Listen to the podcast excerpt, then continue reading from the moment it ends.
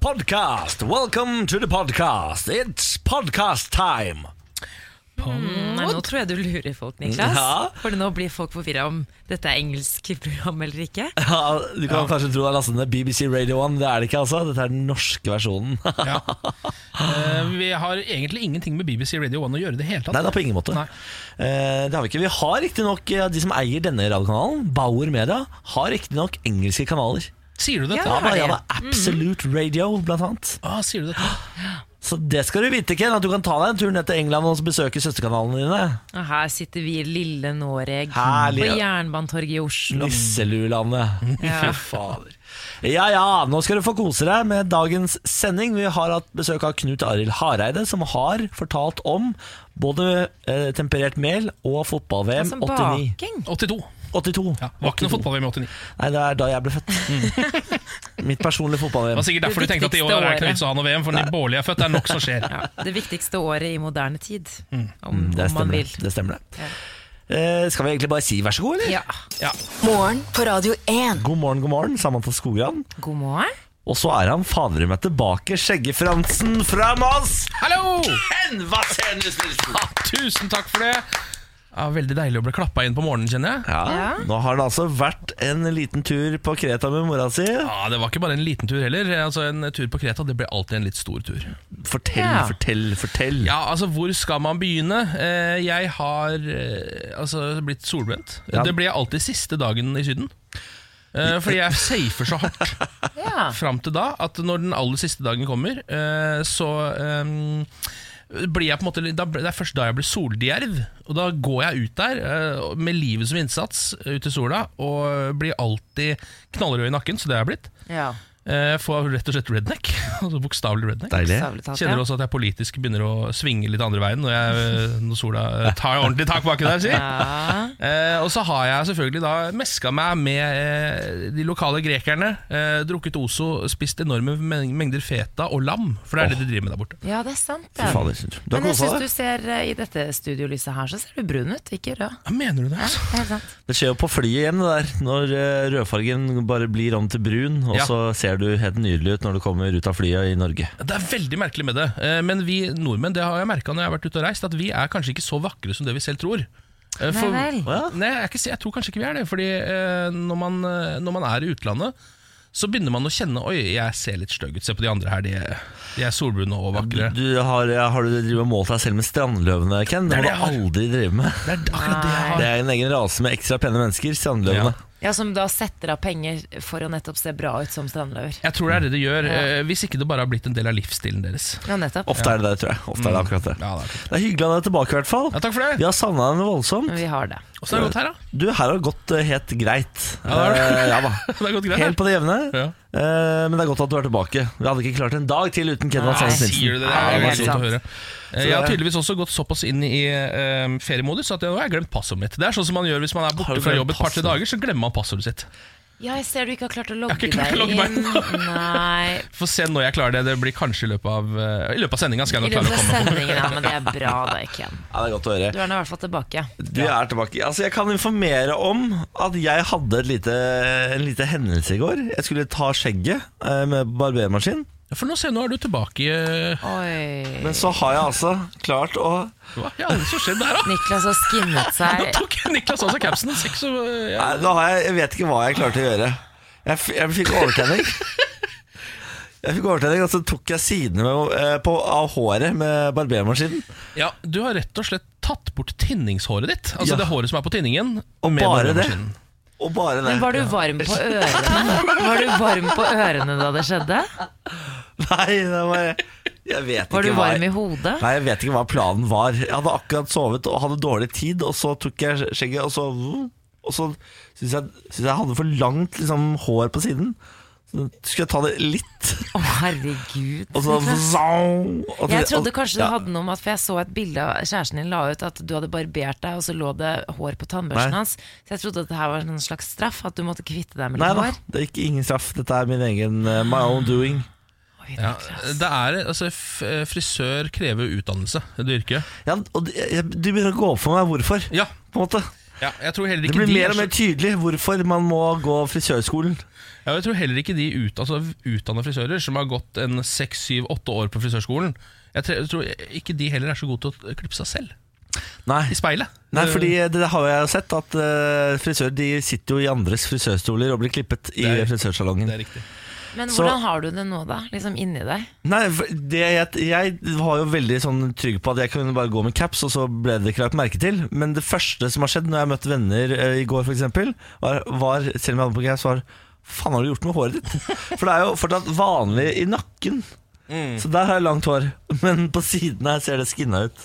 Wow. Så nå ser jeg ut som Kom og hjelp meg, som mamma sier. Altså, Ja. Dette er den mest intense morgenrapporten jeg har fått, i hvert fall. Ja. Eh, både sånn fysisk og psykisk. Ja, nei, Det er ikke bra i det hele tatt. Men jeg har jo blitt veldig typete.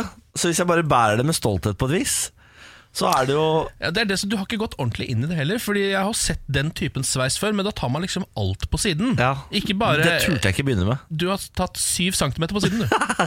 Men skulle var du på en måte sånn Du var litt sånn anti-sideburns? Var det det du ville kvitte deg med, eller? Ja, jeg Ja, jeg følte at sideburnsa var altfor lange. Ja. Ja. Nei, det Nei, det var selvfølgelig helt idiotisk, dette her. Uh, så jeg uh, vet ikke helt hva jeg skal gjøre, men jeg må komme meg til en frisør i dag ja. Ja. og få gjort noe med det. Ja, altså Vi føler jo med deg. Ja, det er veldig 100%. hyggelig, Det er liksom ikke noe vits å disse deg engang, Fordi jeg tror du bare vet. Ja, jeg vet. Hvis Jeg vi, må, vet. vi, vi skal ta et bilde og dele med lytterne våre, selvfølgelig. Jeg tror ikke, det, det er ikke til å unngå på en måte å få Nei det der med jeg seg. skjønner at uh, Jeg skjønner at dette skal tas bilde av og legges ut Ja, på okay, sosiale medier. Det er greit, jeg skjønner det. Jeg hadde egentlig tenkt å ta en liten sånn sveip over forsiden men Ja. jeg bare er satt ut. Jeg syns ingen av disse overskriftene matcher overskriften i ditt liv, Niklas. Eh, men jeg kan fortelle Hva er det nærmeste vi kommer da? Er det noe? Nei, altså det er Orderud-drapene, da. For det er jo på Ja, en veldig ja, ja, ja, sak. I forsiden av Dagbladet kommer aldri til å, til å gi oss, sier da Per og Veronica Orderud, som ikke er gift lenger. Den saken har jo blusset opp uh, igjen. Eh, de vil jo få saken eh, åpnet igjen. Og Tore Sandberg, hele Norges privatetterforsker, har jo da sagt at han har kommet med nye bevis. Dette skal vi snakke om mer i dag. Ja, De, De hadde jo altså en, eh, en pressekonferanse i går hvor jeg satt eh, som klistra opp til skjermen. Og ko jeg kjenner, jeg, det, det er trippeldrap her, Ja. men jeg koser meg så mye med det. Altså, den saken jeg- det, er, det er blitt underholdning. Det er popkornunderholdning for meg nå. Ja, det er litt rart, det der, men sånn har det jo blitt med kriminalsaker. Og så har vi denne saken, for dette er vårt trippeldrap. Ja, det, der, ja, det er akkurat det der. Det er ikke noe er amerikanske greier. Dette er vårt. Og så Eh. er det liksom, men eh, De snakkes jo litt om sånn PR-stunt og sånn. Litt spennende at de holdt pressekonferansen på Ja. Orderud i går. Ja, De hadde den på Orderud i går, og de var ordentlig sånn gjennomført med lyd- og bildeshow og sånn. Ja, det var Ja, ganske så- heftig. Ja, det var, Det var en produksjon. det var en produksjon, ja. Ja. Mm. Det så ganske vilt ut. Eier de fortsatt Orderud i går? Er det sånn å forstå? Ja, men jeg tenker, ja, men De ble jo dømt for drap, da, så jeg tenkte miste. Ja, men tydeligvis, da. De sitter jo der og koser seg. Så, Ja, det kan ja. hende de har leid kåreboligen for å, Veldig rart å leie inn den gården. for å holde pressekonferanse. Ja, det er rart. Ja, det er rart. Dette er Morgen på Radio 1. Det er veldig hyggelig at du har valgt å våkne med oss. Ken Vasenus Nilsen, Samantha Skogran og Niklas Baarli skal følge deg fram til klokka ti i dag. Vi får besøk av vår faste huspolitiker Henrik Asheim. Han kommer litt seinere. Det blir morgenquiz, det blir sladder, det blir tenketank. Det blir vel eh, Ja, det blir lokalavis i dag òg, blir ikke det? Ja, altså det, det må jeg innrømme at det har ikke jeg titta så veldig mye på. Men uh, Vi ser om det blir får se om det lokalavis i blir dag. lokalavis senere i dag. Ja. Mm. Morgen på Radio 1. I går så satt jeg og uh, så på fotball-VM da jeg tror at jeg oppdaga juks. Nei. Eh, kanskje en konspirasjon Det her er en slags konspirasjonsteori som jeg selv tror på. Og som jeg mener at alle kanskje burde tro litt på. For Man har jo gått og venta nå, siden fotball-VM er i Russland, på at det skal dukke opp noe litt sånn Fishy. Ja, litt fishy. Eh, et eller annet litt eh, sånn eh, Altså, man, Det har vært mye snakk om doping, og sånn Det får man sikkert ikke avdekka før lenge etter mesterskapet. Sånn som det vanligvis er, Så må man heller ta tilbake medaljer. Men eh, i går så var det altså en kamp mellom, eh, mellom Saudi-Arabia og Egypt. Var det noen som så den? Jeg tror ikke det var så mange som titta så veldig mye Nei, på den. den var på i bakgrunnen, men uten lyd. Ja. Skulle sett at jeg droppa den kampen her, gitt. Ja, jeg satt liksom og småstreama den litt mens jeg satt på ulike Eller på fly og på flyplasser, og sånn, så jeg så liksom ikke hele. Men uh, i etterkant så fikk jeg um, etterforska den nærmere. Og der er det altså en uh, dommer som gjør veldig mye rare ting. Eh, først så, eller Han dømmer to straffer til Saudi-Arabia, blant annet. Eh, og Den ene er sånn hvor VAR, dette Video Assistant Referee, videodømmingsrommet, som Ja. jo det er mye fokus på under dette VM-et, kommer inn og sier 'dette er ikke straffe', du må nesten eh, Du må annullere straffa di. Men han allikevel, etter lang lang tid, så sier han 'nei, vet du hva, jeg, jeg dømmer straff på dette allikevel'. Er det lov? Det, alt er jo på en måte lov, for ja, dommeren. det er bare, kanskje litt kontroversielt. det er, bare veldig, ja. det er bare veldig rart, Fordi Ja. da er det sånn Du, ta en titt på dette, du har gjort feil Du må gjøre om på det, og så gjør han ikke om på det. Da er det sånn åpenbart sånn, han vil ikke gjøre om på det På en måte. Eh, Du mener at han er korrupt? Ja, for etterpå så stopper han også ballen Helt åpenbart. Altså sånn, når ballen kommer mot en dommer i fotball Hvis han har tid, så løfter han opp beinet eh, Litt som en hund når han skal tisse Eller så prøver han å hoppe unna. Og han bare stoppa en ball for Saudi-Arabierne Så de fikk seg en liten seier på tampen der. Eh, Saudi-Arabia og vant 2-1 Helt ubetydelig kamp for så vidt. Ja, fordi ingen av de var uh, videre? eller? Nei, ingen av de kunne vel Nei, kunne gå videre. Så Men det var liksom, deilig for Saudi-Arabia å ha en seier, da. Ja, og da begynte liksom min konspiratoriske hjerne å fare av gårde. Og så tenkte jeg tilbake på den der første kampen i fotball-VM Mellom Russland og Saudi-Arabia Da Russland vant 5-0 Eh, Og så begynte jeg å tenke Ah. Det jeg tror har skjedd her Dette er min konspirasjon Nå må folk se om de blir med på den Eller om det blir for konspiratorisk Jeg tror at uh, Putin uh, og Russland Har avtalt med Saudi-Arabia. At de skal legge seg i den første kampen Og de skal få en seier senere i mesterskapet I en litt sånn uviktig kamp på slutten Ja, og så var det litt viktig at det var på en måte noen sånn brakseier. At det ikke bare var sånn Ja. eh, 1-0, men at det var 5-0. Ja, det skulle gi en skikkelig Altså, det har skjedd. Jeg kjøper det. Jeg tror det. Jeg Det har kjøper det. skjedd. Ja, ja men vet du, den, Inntil dette er motbevist, så tror jeg alle må tro på det. Dette kjøper jeg. Det skal du ikke være i tvil om i det hele tatt. Takk. Jeg har verdens beste nyheter til dere der ute. Danskebåten er tilbake på TV. Og reality-serien. Reality-serien på TV Norge, denne TV-serien som jeg elsker høyere enn livet selv, hvor de følger altså faste passasjerer på Stena Line på overfart fra Oslo til Fredrikshavn. Tur-retur, og gjerne dobbelttur som det heter. Da kjører du tirsdag til torsdag. Hvem er det som er DJ på den båten som var det forrige sesong? Det var jo han, øh, han der- Vegard, øh. Vegard Hva er han for shortcut? Shortcut! Det sitter så langt inne. Det går for sakte i hodet mitt. Samantha Skogran. Jeg har klippa meg da som shortcut, åpenbart. Eh, Du kan jo bli den neste DJ-en, du. det Men du har, vi har jo tullet med at du skal melde deg på. Stena call me. Ja. Altså, eh, sesong to, tre episoder ligger ute på Dplay nå. Gratis. Du kan kose deg så mye du vil med det.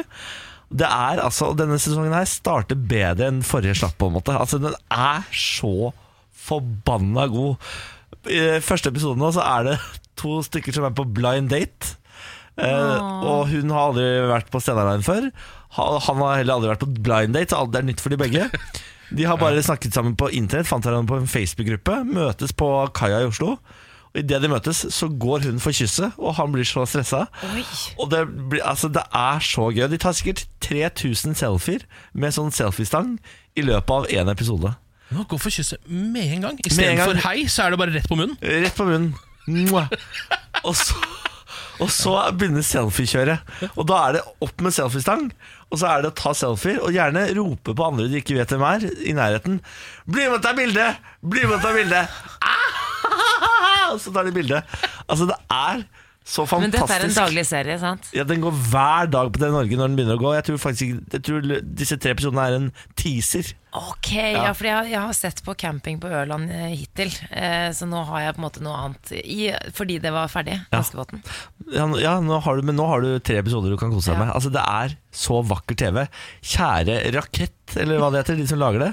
For jeg elsker dere. Ja. Jeg elsker dere, på ekte. En liten nyhet på tampen her. Velgerne flykter fra Ap-Rita etter skandalene. Har dere hørt om eh, kaos i Arbeiderpartiet i Trøndelag? Nei. Det har vært det nå i det siste. Det står her på VG. Anklager om korrupsjon, skjulte maktnettverk og trakasseringssakene mot Trond Giske ser ut til å koste dyrt for Arbeiderpartiet i Trondheim. De siste dagene har det kommet noen saker om at Giske har skapt litt trøbbel der oppe. At det er litt sånn splittelse i Ja. Ap Trøndelag.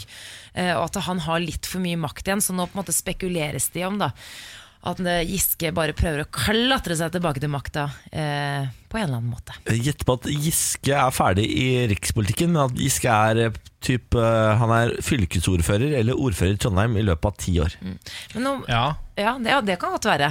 Men, og folk glemmer så fort. Ja, ja. Spesielt eh, i fylket der hvor han er fra. Men det er i hvert fall eh, litt uenigheter. Eh, altså Jonas Gahr Støre han må ha bare konstant hodepine. Konstant hodepine. Interne konflikter. Ingen, ingen er enige. Det må- Hvem er det som egentlig er venner i Arbeiderpartiet? Ja, Arbeiderpartiet de, de har ingen venner. De er, det, er som en, eh, det er, virker som en sånn skolegård hvor det har bare gått fullstendig av skaftet. Ja. Ja, ja. rektor har gitt opp. Jeg rektor har gitt opp. Jeg skjønner ikke hvorfor han gidder mer, jeg, faktisk. jeg mener det. Jeg Men hadde ikke mer. politikere, så de er maktsyke. Ja. Ja, han kan vel ikke bli Nato-sjef eller et eller annet, da. Det er åpenbart mulig. Dette er morgen på Radio 1. Eh, Skjeggebassen er tilbake fra Kreta. Ja. Altså, Så koselige bilder av deg og mora di på vannskuter og sånn. Har vært så hyggelig å fått sånn reisebrev hele veien. Er, er dette kritikk fordi jeg ikke har Nei. levert nok reisebrev? Er, altså, Vi har funnet opp vårt egne reisebrev fra Kreta. I og med at du ikke har sendt noen bilder Du har jo Ja. sendt noen Ja. oppdateringer og sagt at du har drukket mojitos, Ja. og at du vurderte å kjøpe deg en hatt, men det var liksom ikke nok. Så det, Her i dette radiostudioet så har vi kosa oss med imaginære bilder av deg og mora di på vannskuter og lignende. Ja, men det som er litt av greia eh, med Syden, og kanskje spesielt Hellas, tror jeg, er jo at tiden står jo stille der. Eh, Ja, tiden går liksom ikke framover like fort som den gjør f.eks. her. Eh, så, så det å drive og ta uh, selfies og sånn der nede, det er det ingen som gjør. Det føles enda rarere. Så deilig, da. Det føles jo litt, litt rart å gjøre det her også, skulle vende kameraet mot seg selv, men der nede er det enda rarere. Um, og det tenkte jeg på uh, mye da jeg var der nede nå, fordi um, jeg har på en måte levd på jeg vet ikke om det er 70- eller 80-tallet, men i hvert fall en, tid, uh, en svunnen tid har jeg vært i nå i en ukes tid. Eh, fordi alle barene og diskotekene og pubene og sånn eh, på Kreta, eh, i hvert fall den delen av Kreta jeg besøkte, spiller fortsatt disko. Ja. eh, eller 80-tallsballader. Ja, si det. Yes. Eh, og det har, jeg var inne på den ene sportsbaren hvor jeg var daglig for å se litt fotball-VM. Der eh, hang det en eh, ganske slitt Bonnie M-plakat eh, på do. Åh, elsker Bonnie M. Gode, gamle Bonnie M. Ja. Deilig. Og da tenkte jeg på det når jeg gikk inn der og så den plakaten. Så var det litt sånn Og da spilte de jo Bonnie M også, selvfølgelig, eh, ut- ute i Nei, lokalet. Så Det tenkte- var ikke Bonnie M. Hæ? det var Nei, ikke de som spilte. Var ikke der live. Nei, nei, nei, nei. Gæren, eller det var over høyttaleranlegget. Noen hadde fått tak i noe piratkopiert Bonnie M og satte Ja, på. Bonnie. M er husband nede på Kreta. Og da tenkte jeg liksom på, en måte på at, det, eh, at den plakaten Den har jo hengt der siden de på en måte var Ja, på toppen. Eh, og den har aldri blitt tatt bort. ikke sant. De var så fornøyd da de fikk tak i den Bonnie M-plakaten, eh, at hver gang det liksom har blitt gjort noen forandringer, de veldig få forandringer som har blitt gjort i etterkant Jeg ser for meg for eksempel en eller annen gang tidlig på 2000-tallet så var det sikkert en som sa Skal vi begynne med mojito eh, i denne baren? Og så var det noen som sa ja, men Bonnie M-plakaten blir. Altså, Form too much change is not good for anyone. Ja. Eh, Jeg elsker det. Ikke noe sånn Ron Keating eller Britney Spears eller Rihanna. Det er Bonnie M. jeg lurer på om det, er, om det da kommer Jeg om en 10-20 år. Sånn, så ja. kommer plutselig Britney-mixtapen og sånn. Boyzone ja. Jeg, jeg elsker at du har uh, Ronan Keating som et go to-navn i hodet ditt. Ja, Samantha. eh, jeg Det er kan litt- ingen av sangene hans, men jeg tenkte sånn, det der minnet meg litt om sånn tidlig 2000-tall da han uh, tok en liten solosving. Hvem av oss er det som skal dra rollercoaster nå? Da, holdt jeg på å si Life is a roller coaster, Den, ja. Den just jeg gotta ride it. Uh, hvilken drink er det det gikk mest i? Når Altså, du var der nede? jeg, jeg, begynte, jeg fikk faktisk Vet du hva, jeg fikk smaken på Ozo. Altså. Denne anisbaserte har- du ja? greske drinken. Det som blir hvit når du har vann i den? Det er litt fascinerende, Fordi det er akkurat som det er kjemi. Ja. Er den søt, eller? Eh, litt Du liker altså, Jeg ser for meg at du er en sånn søt drinkfyr. Du liker egentlig søte drinker. Dette er en shot, er det ikke? Det er Hjemme i som Norge det er så som skjuler du liksom. deg bak det barske eh, skjegget ditt og Ja. drikker bare øl, men eh, i Grekenland, der er det Ja, men man, vet du hva? pineapple. man trenger noe søtt i varmen. Altså. Hello, ok, can I ja. get a strawberry jackery, please? Ja. Strawberry jackery. daiquiri. det prøvde jeg å bestille en gang, det hadde du ikke. Hadde det ikke. Farken, altså. Ser du? La oss ta en tur til eh, USA, for nå har det jo skjedd ting eh, der borte. Trump er overrasket over at Harley Davidson flytter produksjonen ut av USA. Harley Davidson er jo altså dette motorsykkelmerket som jeg i mitt hode forbinder Det er, det er for meg USA. Ja. Altså noe Ja, så utrolig USA. Og det gjør meg eh, Jeg blir litt glad i det, kjenner jeg. At det er de som velger å flagge ut. Ja. Fordi eh, president Trump har jo sagt at han skal være verdens beste president på eh, amerikansk næring og drift. Han skal redde amerikanske arbeidsplasser og få det til å Det skal, det skal vokse og gro og inn i evigheten. Og så har eh, EU lagt på en hard, hard toll som gjør at eh, det blir altfor dyrt for amerikanerne å produsere syklene sine der og selge de til Europa. Derfor velger nå Harley Davidson å flagge ut av USA, komme til Europa og lage de her isteden. Noe som gjør at Trump selvfølgelig er kjempeforbanna på Twitter, Ja. men uh, noe som gjør at jeg et eller annet i meg gleder meg over det. Men det er fordi det er det området hvor Trump uh, skal være best. Ja. Ja. Jeg tror kanskje det er det som på en måte Det her svir virkelig. Ja, og så noe så erkeamerikansk også. Det er, på en måte, det er jo det og Levis-bokser, på en måte. Absolutt. Eh, Det er jo u, det uramerikanske. Ja, ja, EU ja. har økt tollen på motorsykler fra 6 til 31 Så det er en ganske markant økning i tollsats på motorsykler. Shit, så det Harley stikker, altså. Harley stikker, tenkte jeg. det. Men be- jeg lurer litt på om Harley er litt for raske på avtrekkeren her. Fordi hvis jeg er en Harley Davidson-fyr, Ja. så tror jeg jeg hadde vært veldig opptatt av at den Harley Davidson skulle komme fra USA nå. Jeg tror ikke jeg hadde syntes det, det var sånn, like ja. stas med de nye Harley Davidsonene som er bygd i f.eks. Japan. da Mister litt markedsverdi, rett og slett. Ja, det tror jeg jaggu gjør. Jeg tror de som har en Harley i dag, De kommer til å um, se markedsøkning på sin amerikanskbygde Harley Davidson. Det kan faktisk Se for meg en sånn skinnjakke, og så er det, hva er det Route eh, 66 Ja, eller hva ja, det ja, heter. ja. Det er eh, Harley Davidson for meg. En vifte har reddet livet mitt, dere. Eh, Emil, kjæresten min, det er jo varmt igjen. Det er jo en liten hetebølge på vei. Eh, eller i gang, egentlig. Den eh, vet ikke hvor lenge den skal vare, men sist gang det var det, så fikk jeg ikke sove på nettene, for det var så innmari varmt. Så i går så skulle da eh, kjæresten min Emil se om han fant en sånn halvveis sånn sånn billigversjon av en aircondition som vi kunne ha på soverommet, men det finnes ikke. Aircondition er ganske dyrt, og du må installere det, og det er rør osv. Men så kjøpte han en sånn vifte som bare Den er Jeg visste ikke at vifter hadde blitt så trendy. Jeg har, ikke, altså jeg har aldri Ja. kjøpt en vifte her i Norge. De har blitt sånn digitale og stilige. Og Ja vel? det, altså det er den fineste viften jeg har sett i mitt liv. Og tok meg en liten ettermiddagslur for å, egentlig for å teste vifta. Altså, det var det, jeg har Aldri sovet Men si meg, er det ikke en sånn rund, vanlig vifte? Jo, det er en rund, vanlig vifte. Ja. Og så er det en, eh, selvfølgelig en stang. Og så er det en sånn digital måler, så du kan styre den med sånn fjernkontroll. Ja vel? Så den er helt Men du kan fortsatt rope inn den og få robotstemme. For det er det Ja, morsomste det er det med eneste man mangler. Det ligner jo litt på en sånn robot. Ja. Men eh, også kan du styre den på styrke, og, på, og så er det sånn forskjellig modus og sånn. Den var ikke sånn grisedyr heller. vifte, da. Så jeg sov, eh, jeg sov bra i natt. Hvor lydløs er den? Den, ja, den sleep-modus, den er ganske lydløs. Ja. Men den andre, de andre modusene, det er ganske bråkete. Hun nå har Burrito vært og kjøpt seg dyr, dyr vifte. Steike, Men er det, altså, fordi viftene ble jo utsolgt forrige gang det var varmt. Ja. Uh, så Er det derfor du måtte opp på det prisnivået? Fordi de fortsatt var Ja, men det var ikke sånn grisedyr heller, tror jeg. Uh, faktisk. Men, men, uh, ja, jeg tror, men jeg tror Norge har skjønt det. Nå kommer det hetebølger, så de må bare bestille inn Kanskje er det. Jeg eh, har vurdert å kjøpe Eller jeg har tenkt på å løpe rett bort på butikk etter sending i dag og kjøpe vifte. Ja. Fordi det er for varmt for meg nå om natten igjen. Altså, Ja. Selv om jeg har den der knitrete sommerdyna, så er det for varmt. Sekundene du kommer til å angre på det, ingen. Det er akkurat det. Bare gjør det. det, er akkurat det. Jeg skal bare gjøre det. Morgen på Radio 1. Hverdager fra seks. Ken Vasenus Nilsen er tilbake fra Kreta-ferie med mora si. Ja, Velkommen tilbake. Ja, takk. Samantha Skogran er her selvfølgelig. God morgen, Samantha. Jeg har ikke vært på ferie med mora mi på Kreta. dessverre, Nei. si. Jeg har litt lyst til det. Yes, En dag så burde vi kjøre mødrebytte. At jeg drar på ferie med din mor, eh, og så kan du dra på ferie med min. Herregud, Nei, det er husker jeg dere litt det der, til. Husker dere det der TVT-programmet hvor man bytta kone? Ja!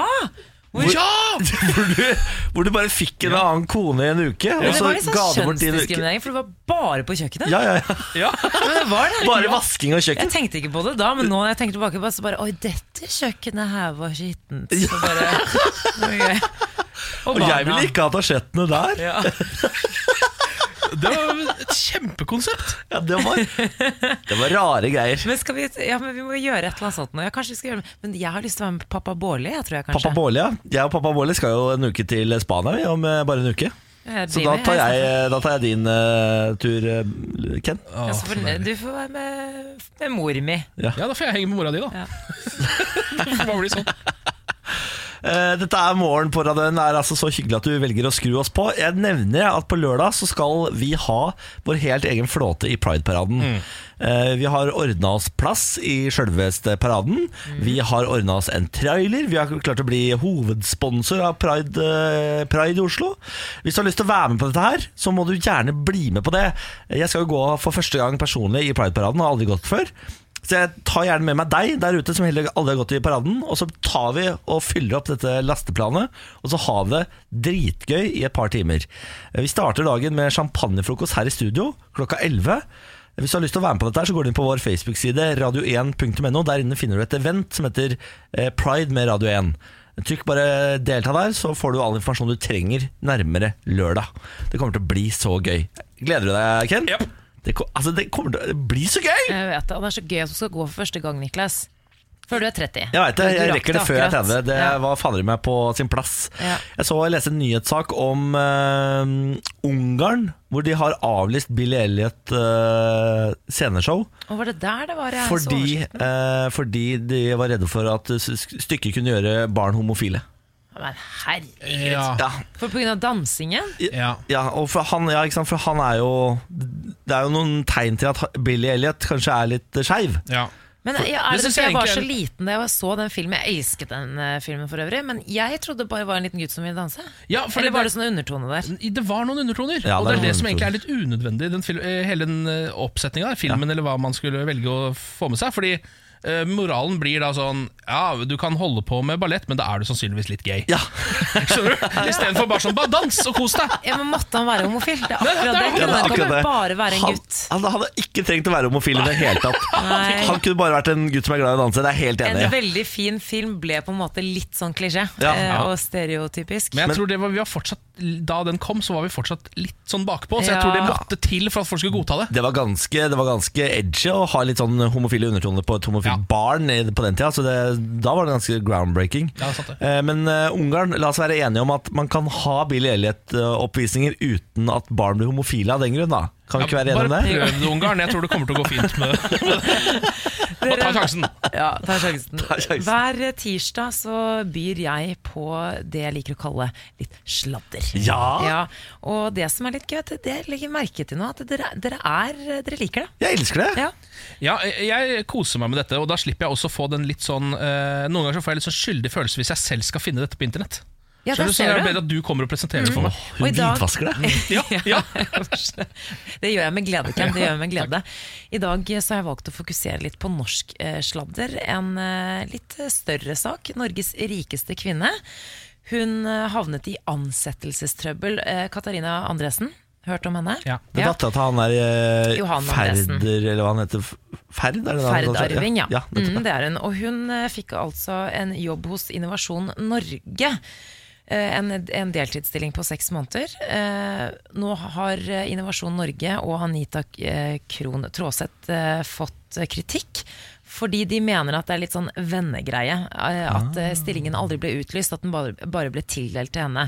Innovasjon Norge er jo da statlig drevet og eid, så det her byr jo da på trøbbel. For det, her skal man jo virkelig følge eh, reglementet. Ja, så tror jeg man fikk litt sånn inntrykk av at det var bare sånn Ok, vi bare gir denne til Norges rikeste kvinne.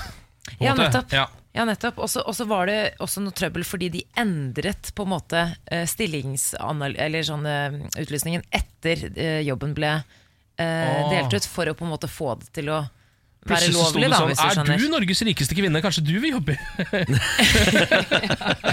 ja, det skjønner jeg. Da hadde jeg blitt skeptisk. Da, da blir det litt skeptisk, ja. Men uh, uansett så skrev nå Andresen uh, Hun er jo på en måte litt fortvila, for hun mener at hun ikke har gjort noe galt. Så hun skrev da på Twitter Ung kvinne som ønsker å gjøre noe positivt med posisjonen sin, er lik, blir hengt ut og tråkket på av voksne mennesker. Wow. Punktum. Å, nå min lille venn, da. Ja. Altså, eh, jeg er helt enig at hun er jo egentlig ikke syndebukken her. Det er jo Nei. på en måte Innovasjon Norge. Ja. Men eh, du, du, du skjønner vel selv at man ofte søker på jobber? Eh, Du er, jo, du er jo vel informert om at det er ikke sånn her ansettelsesprosesser vanligvis er? Nei, eh, Medie24-redaktør Gard Michaelsen Han eh, kommer med en liten utfordring tilbake. Han skriver følgende Hvordan definerer du uthenging og å bli tråkket på? Mener du å være fritatt for debatt når du søker offentlighetens lys? Spørsmålstegn. Boom. Boom. Som for, for så vidt er sant, selv om jeg er enig med dere om at hun mest sannsynlig ikke er syndebukken. Anita Krohn Traaseth hadde visstnok tatt kontakt med Katarina eh, Andresen og sagt hei, kanskje du skal søke på denne stillingen her. Ja. Gitt et tips. Det er jo ikke ulovlig. Poenget er bare at det- det var ingen andre som kom til intervju. Nei, ikke sant. Eh, ingen eh, kom på banen, så det her er det næringsministeren er blitt kalt på banen. Jenteklubben hei og grei! Ja. For Vanligvis er det gutta som holder på sånn Ja, her, men det er litt deilig at det er damer for en gangs skyld da, som eh, faktisk driver og hjelper hverandre opp i Ja. systemet. Vil dere høre en liten hyggelig nyhet til? Ja. Andreas Ygrevik, vet dere hvem det er? Snowboarderen. Snowboarderen, ja, fikk fraslått alle X Games-medaljene sine. Jo, forrige uke, og det, det var veldig synd. Men tyvene de fikk faktisk litt dårlig samvittighet og valgte å gi de tilbake. Han kom ned to dager senere, så lå de i en pose. De fikk så dårlig samvittighet. Ja, det er bra, det er bra. Morgen på Radio 1. Fått en melding på vår Instagram-innboks fra eh, Stine, som lurer på når vi tar ferie. Den kan jeg informere om at vi, tar, vi har siste sending for sommeren på fredag. Ja. Fredag 29. juni. Yes, Så da kommer eh, Gita og Mats til å vekke deg her på Radio 1 gjennom hele sommeren. Og så er vi tilbake i august en gang. Og de skal eh, holde, holde fortet, de, på skikkelig blir quiz, og det blir eh, Ja, ja, Lars kommer, han, skikkelig morgenshow. Ikke tenk på det. Ja. Fått en melding eh, på vår eh, Facebook-side også, hvor det står 'God morgen, fint folk'. Våknet i splitter nytt hus i dag. Ja, dere hørte riktig. Hus! Det har man nemlig råd til når man flytter ut av bygryta. Anbefales på det varmeste. Hage har jeg også! Kommer dere noen gang til å flytte ut av byen? Klemme fra Troms. Jeg har litt eh, lyst, jeg har lyst til det. Men eh, kjæresten min eh, trives så godt i Oslo. Han har ikke bodd der så lenge heller. Men dere har jo fader meg hus rett utenfor eh, Altså, Dere bor Ja. virkelig på grensa til byen, Ja, eh, men har hus i Oslo. Dere er, dere er veldig veldig heldige. ja Vi er veldig veldig heldige. Vi har en del av en tomannsbolig som føles ut som et hus. Jeg har bare bodd i leilighet, så for meg føles det ut som et hus. Jeg skal ikke klage, men jeg bare er litt Jeg syns Oslo er litt stort. Ja, For du har lyst Ja. til å bo på bygda, du. ja, litt.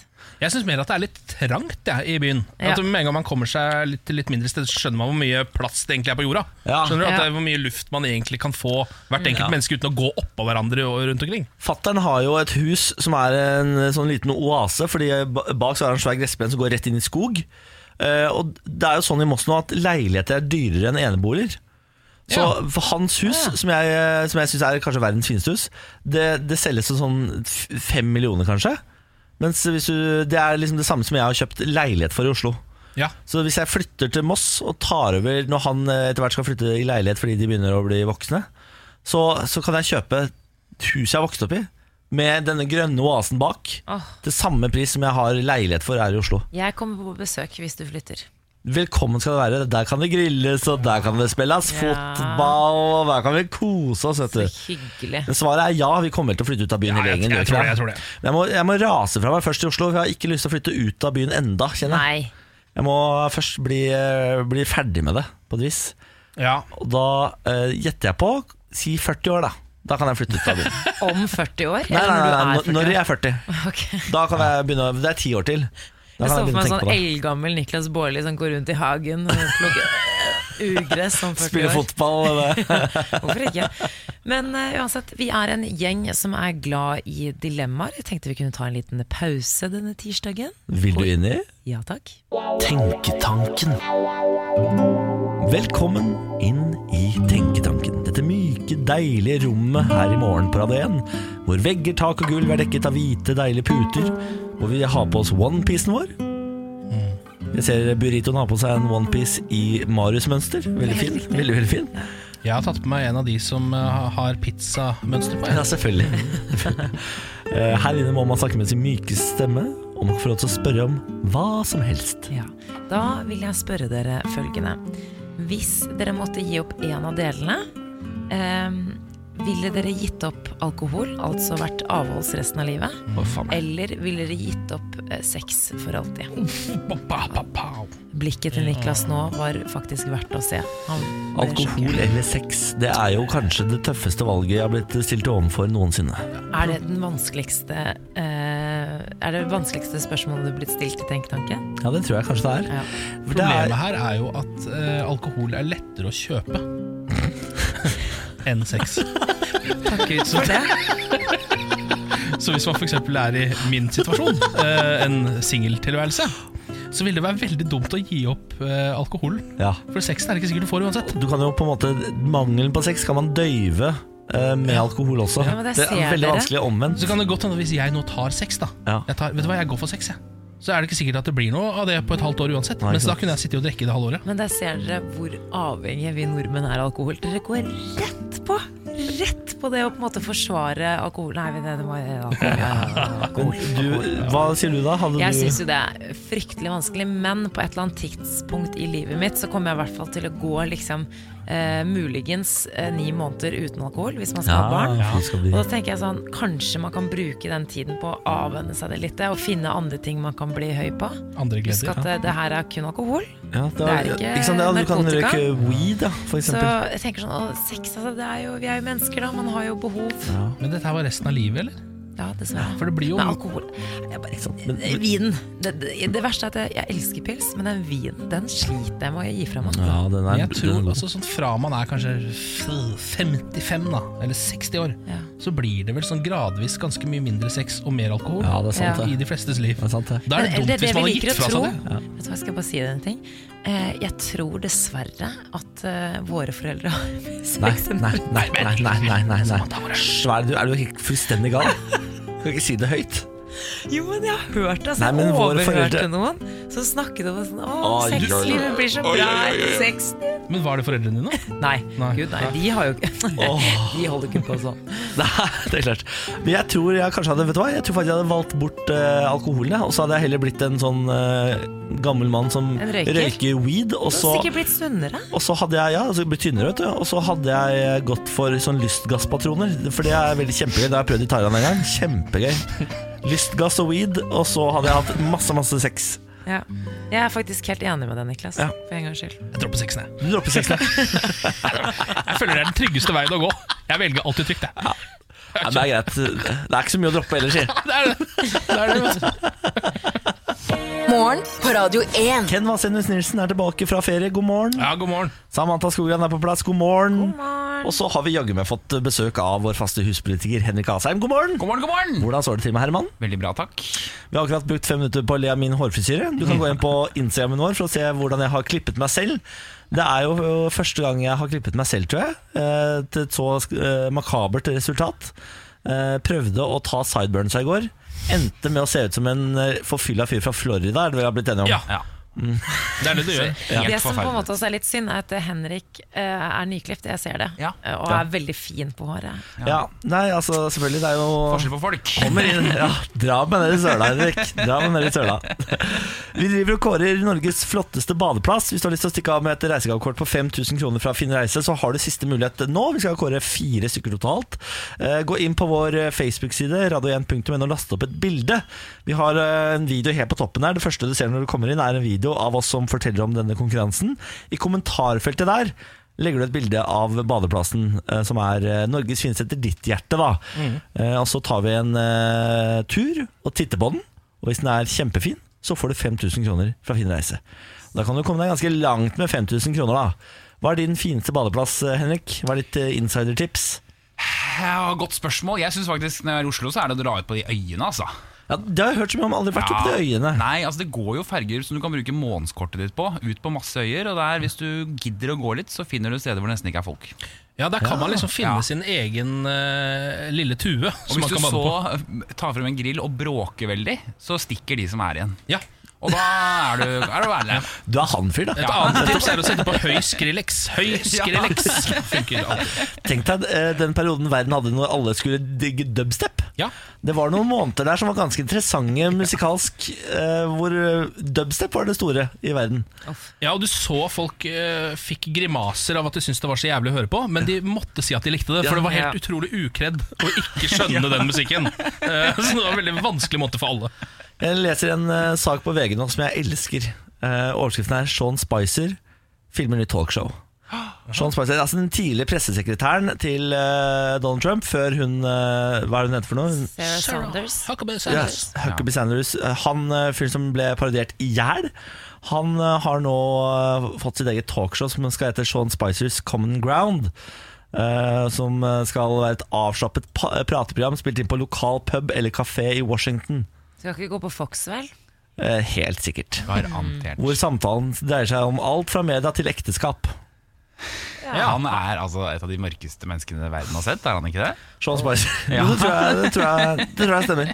Han har et veldig vet du, en ting skal han, han har godt eh, talkshow-navn. Ja. Det skal han ha. Mm. Sean Spicer. Det er sånn The Sean Ja, Spicer det, Show. ja, det er ikke så dumt. Det er liksom altså, Welcome your host, Sean Spicer. Ja, sant det. I dagens landskap tror jeg det er viktig å ha en plattform der man kan ha en høflig, ærbødig og informativ samtale om aktuelle temaer, sier Spicer.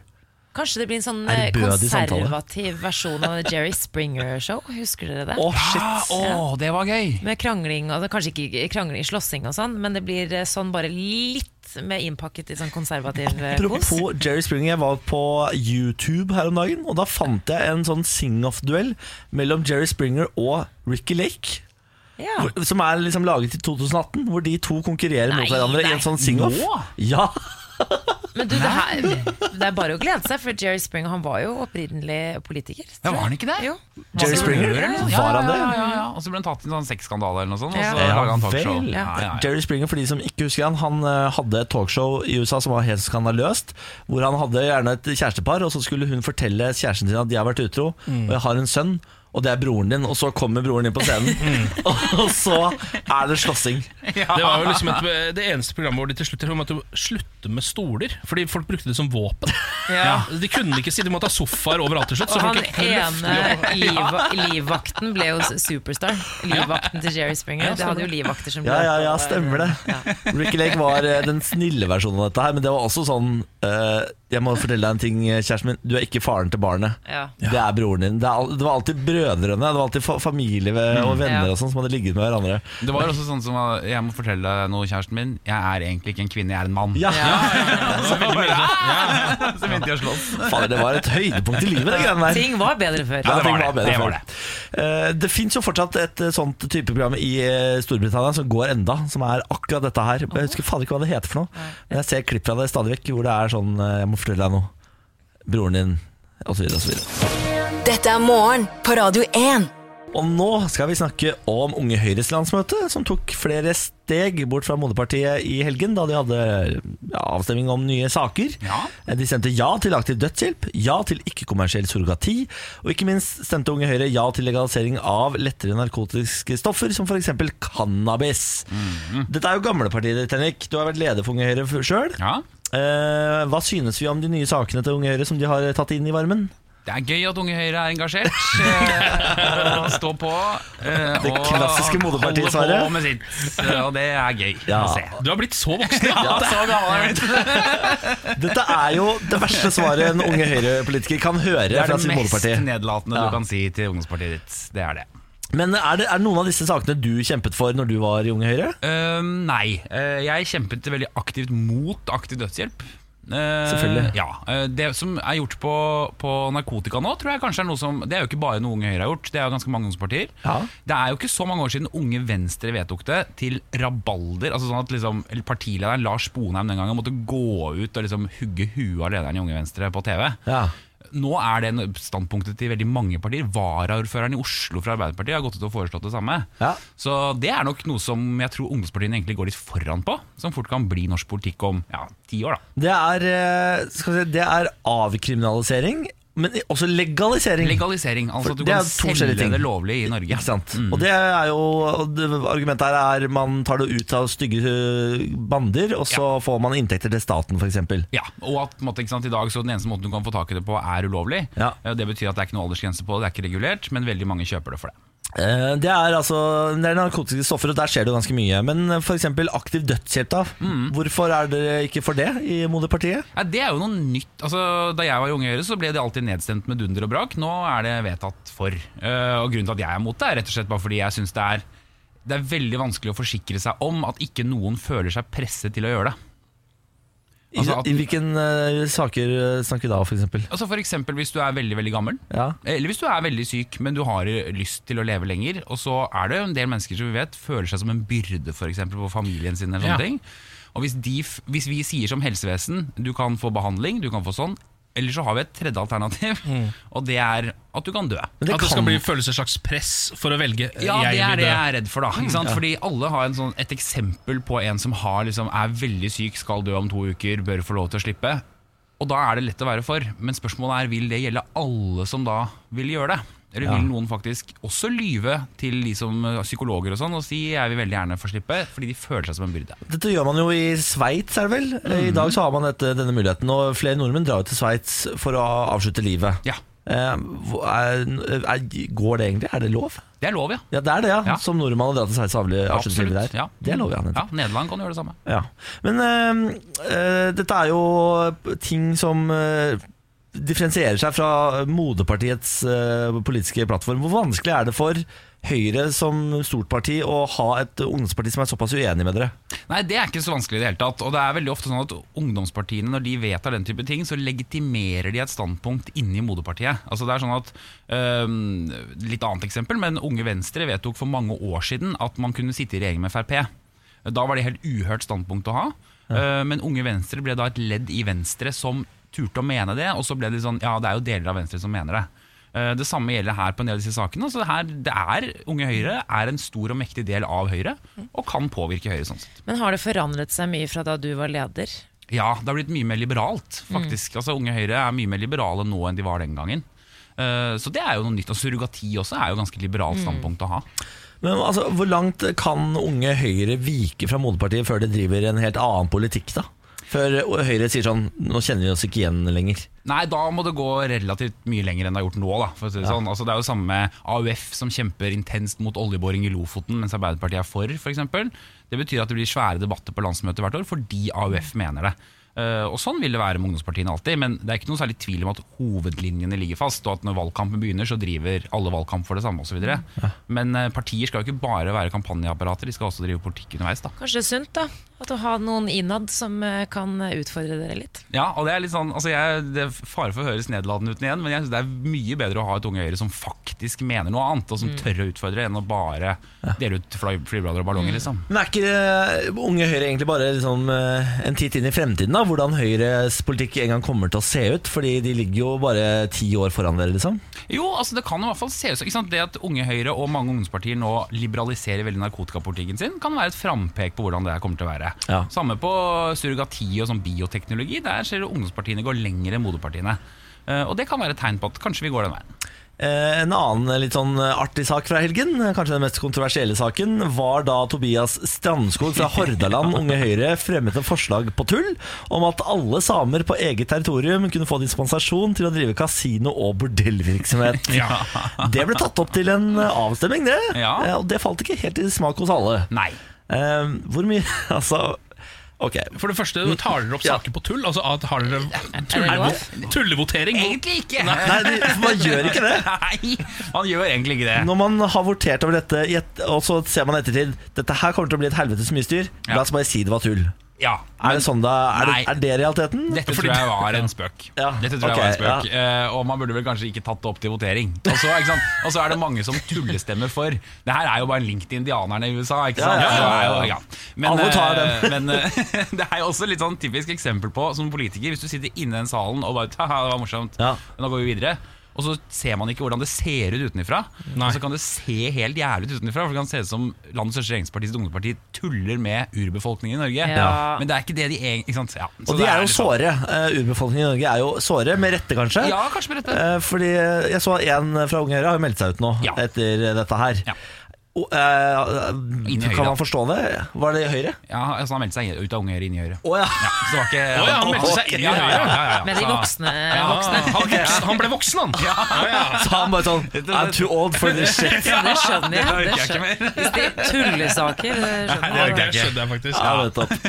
Eh, Men det blir ingen uh, samebordell og kasinoer, da, dessverre. Nei, det gjør ikke det. Fader, jeg som hadde gleda meg til å dra til Kautokeino og spille på ruletta, gitt. Ja, det var tider. Eh, noe annet som også viste seg på landsmøtet, var jo Tonje Risæter-spillene. Ja. Det var jo en helt ny, eh, et helt nytt sett med regler. Mm. Forbud mot medbrakt alkohol og kontroll av bagasje ved ankomst. Armbånd som viser delegatenes alder, om de er over eller under 18 år. Ingen spritservering, forbud mot nachspiel og ingen minibarer på rommet. Mm. Hvordan har det gått, da? Fått noen eh, rapporter på noe dårlig stemning? Det har gått veldig bra, altså. Det Heldigvis. må du jo virkelig ha gjort, med alle disse reglene. Det er jo, Ja, ja, ja, ja. All moroa er jo ute av eh, Unge Høyre her nå. Ja, de får, får lov å drikke, da. Men uh, hvis de er over 18 år og de kjøper i baren selv osv. Ja, nettopp, ja. Men ikke sprit, nei. Ikke sprit, nei. Og ikke etter Er det sånn nachspiel begynner klokka ett eller noe sånt? da? Er det sånn, Ja, det er sikkert sånn, sånn, I baren så kan du lage et nachspiel i hjørnet, Ja, men du kan ikke ja. ha det på rommet. Nei, ikke sant, Nei, ikke sant. det går ikke. Ja. Så hvis du har en kassegitar og setter deg i hjørnet i baren og, Da går det bra. Jeg, hadde, jeg lurer på om det hadde vært nok til å søke meg over til et annet ungdomsparti som faktisk hadde lov til å ha nachspiel og sånn. Jeg er 100 jo- sikker på at det hadde det for meg, men jeg er ikke så politisk engasjert. ikke sant, det er det, For du hadde vært med for nachspielene, du. Ja, ja, ja, ja. Da var det rett opp på FPU for meg. Altså. Ja, det hadde blitt FPU for begge Men to. hvis vi skal konkludere med landsmøtet til Unge Høyre, da, Henrik, som tidligere leder av Sjappa, Er du fornøyd? Ja, jeg synes de har vært Og det som har vært gøy, faktisk er når Unge Høyre er toppsak på Dagsrevyen på lørdag. liksom altså, Ja. Det er noe bra med det. Det verste som kan skje til Ungdomspartiet, er at ingen bryr seg om dem. Det er gøy at Hva er det du sa i starten her? At de er engasjert eh, og står på. Gamle faro. Okay, forferdelig ting å si. Faen, du har altså ja. kjipt, ass. Der fikk jeg trynet. Hva slags menneske har du blitt, Henrik? Skandale. skandale. Man skal bli sin far, man skal vokse opp og bli sin far. Yes, Sånn det er akkurat det man har blitt. Vi må runde av Henrik Asheim. Det har vært en glede å ha deg innom igjen. Takk for seg. Ha en fortsatt fin eh, tirsdag, da. I like så. Morgen på Radio 1. Hverdager fra seks. Dere, Orderud-saken lever. Eh, og i går så, så vi da et innslag av privatetterforsker Tore Sandberg. Eh, og en pressekonferanse på Orderud gård med Tore Sandberg, Per og Veronica Orderud i forbindelse med en begjæring om eh, å gjenoppta trippeldrapssaken i 1999, hvor da foreldrene og søsteren til Per Orderud ble drept. Det er altså er, jeg, jeg vet at det er groteskt, men jeg syns det er så spennende. Ja, men det er jo klart, det her er jo true crime, det her. Ja, ja, ja. Så det er en del av eh, true crime-bølgen, bare at det er her hjemme i Norge. Og ekte, og det skjer nå! Det skjer nå. Eh, Privatetterforsker Tore Sandberg la fram det han beskriver som nye bevis i Orderud-saken. Han mener da at våpenet og drapet kan knyttes til en eh, ikke navngitt person. Altså Han har eh, en person som han mener er skyldig, men han vil ikke si hvem det er. Han viste også frem da et brev som, knytter, eh, som han da mener knytter drapene til eh, jugoslavisk mafia. Ja. Ehm, og det, her, altså, det, det er så mye spennende elementer i den saken her at uh, jeg vet ikke hvor jeg skal begynne engang. Uansett, eh, NRK intervjuet Veronica Orderud etter pressekonferansen. Vi kan jo høre hva hun sa. Er du helt uskyldig? Ja. Mener du å kunne bevise det? ja, jeg mener at den eh, dokumentasjonen som Tore har lagt frem nå, beviser det. Mener du at det er Kristin Kirkemo som står bak drapene? Uh, nei, det, det vet jeg jo ikke. Uh, men uh, det er veldig mye ny informasjon i det arbeidet som Tore legger frem nå, som tyder på at hun vet veldig mye mer og har veldig mye mer med det å gjøre enn det som kom frem i 1999. Ja, vi mista første spørsmål, men er du uskyldig? har han spurt om Ja. i starten her. Og det kan du bekrefte. Men Politiet klarte jo aldri å finne ut hvem som egentlig begikk eh, drapet, men retten mente jo da at Per og Veronica Orderud, sammen med Veronicas halvsøster Kristin Kirkemo og kjæresten hennes, eller ekskjæresten Lars Grønnerud, eh, sto bak eh, drapene og skaffet våpen, ikke minst. Er det bare, kan vi påpeke at pressekonferansen jeg hadde i går, den hadde vi på Orderud gård. Ja. Med et sånt lyd- og lysshow med masse klipp og sånn. Og den bildet fra den promofilmen til NRK-serien. Og med Per og Veronica på hver sin side av han der fyren. Fikk litt kritikk, uh, han Tore Sandberg, uh, for at det her er et PR-stunt. At de bruker litt sånn skitne triks for å få oppmerksomhet rundt saken. Men altså, det Ja, men funker. Jeg mener på en måte hvis man, da, hvis man skal tro på dem da, og er på en måte, at de er uskyldig dømt, det er lov å bruke skitne triks da. Ja, på en måte. Jeg føler at det, Hvis det er noe tilfelle det er lov. Jeg er, så, jeg er en så sucker at uh, når folk har sona ferdig dommen og fortsatt kjemper for frifinnelse, så er det et eller annet i meg som umiddelbart tror på det. Ja. Uansett hvor mye fellende bevis eh, det må være. Så bare Hvis du først har sona ferdig og fortsatt kjemper for saken din, så er det, det, har jeg så lyst til å tro at de Ja, er fordi uskyldige. da, Hvis ikke så hadde du på en måte bare tatt deg en pille og slappet deg litt. Det er akkurat det. Mm, ja. Det samme med han der Viggo Kristiansen i Baneheia også. Han også tror jeg er uskyldig bare fordi han kjemper så inn i helvete hardt for den Ja. gjennomtakelsessaken sin. Men jeg synes det er litt sånn gøy med det her, fordi øh, det er jo på en måte sånn Teorien man ofte legger fram, er jo sånn Ja, det er mafia! Det er jugoslavisk mafia, italiensk Ja. mafia. Men jeg syns det virker noe mer sannsynlig. Det gjør Skjønner faktisk det. Det- Altså, det var noe MC-band inni der, og det, det er mye greier. Hun Kristin Kirkemo var jo eh, Hun var jo innblandet i mye forskjellig, mye Mm. rart, før det her skjedde. Så hvem vet. Ikke, jeg skal ikke si at hun er skyldig, men ja, vi får se, da. Jeg har funnet litt lokalavisstoff. Er det dags Er for det Ja, nå er vi i gang. Eh, Morgen på Radio 1 Aviser deg Norge, hvor vi da eh, tar tak i en lokalavis og følger den gjennom en hel uke. Og nå har jeg plukka ut Altaposten. Yes! Det er jo eh, avisa som dekker mitt tredje hjem, Alta, i Finnmark. Eh, der hvor fattern kommer fra. Hvis liksom Moss er første hjem og Oslo, hvor jeg bor i, er andre, så er Alta det tredje. Og nå har vi en eh, fin liten sak fra Altaposten. Turist hadde med seg eh, pepperspray. Eh, fikk saftig forelegg. Her eh, står det Finnmark politidistrikt kunne mandag kveld opplyse at bobilturister brakte med seg pepperspray inn i Norge. Sprayen ble beslaglagt, og et forelegg på 4000 kroner ble utstedt, opplyser politiet. Og der står det her, I Norge er det politiet som har tillatelse til å bruke spray. Eh, pepperspray. Den sorterer under våpenloven og er ulovlig å ta i bruk eller besitte her til lands. Er det sant? Ja. Det visste jeg ikke. Ikke jeg heller. Hæ? Pepperspray er å regne som rein gønner. Jeg trodde at uh, kvinner for eksempel, kunne gå med pepperspray i uh, veska for å beskytte seg mot uh, f.eks. overfallsvoldtekter. Ikke sant, Men det er tydeligvis bare i USA, så dette er noe du har sett på film. Men var det lov på 90-tallet? For jeg mener at pappa hadde sånn pepperspray et eller annet sted. må du ikke si høyt. Å, 4000 kroner i båt. kommer båt. til å ransake- 4000 kroner i Nå båt. kommer du til å ransake Jeg tror den peppersprayen er ganske dau nå, hvis eh, det er for Ja. over 20 år siden. Men, eh, men jeg trodde det var lov. Vet du, Det var ikke en sånn 90-tallsgreie, da? Jo, men jeg tror alt dette er noe vi har, tror fordi vi har sett det på uh, TV-serier og film. Men jeg er også helt sikker på at jeg har hatt flere kompiser med pe pepperspray opp igjennom. Men det er sikkert ulovlig besittelse av pepperspray. da Kjøpt på svenskegrensa. Samme som kinaputter var jo også Ja. ulovlig. ikke sant? Man kjøpte det på svenskegrensa av den grunn. Softgun var ulovlig, hadde dere? Ja. Eh, Kinaputter sorterte jo i Norge under uh, bombekategorien, eh, så det var helt fullstendig ulovlig å ha med seg. Bitte liten bombe. ja, en veldig liten bombe. Bitte liten bombe. Sier du det, ja. Nei, men eh, 4000 kroner, det var da klekkelig bot for noe så gøy som pepperspray. Ja, De har sikkert fått med seg dette klamydia-greiene som eh, herjer over Norge nå. Og tenker når jeg kommer til Norge, da skal jeg få bort de der klamydia-zombiene som kommer til å voldta meg opp og ned. Ja. Beskytte seg. Nei, det er viktig å beskytte seg når du først kommer til Norge. Morgen på Radio 1. Eh, Riktig god morgen, dette er Morgen på Radio 1. Samantha Skogran, God morgen. Ken Vasenius? Lars Berrum. God morgen. God morgen. Det er hyggelig å se ditt blide fjes, Lars. Tusen hjertelig takk. Jeg får mye energi av dere òg. Nei, Ja. det her har du hørt maken så hyggelig fyr. Ja, han er veldig ålreit. Hæ, er ikke han en ålreit type? Lars, Lars, du er jo her for å quize oss. Ja. Skal vi sette i gang?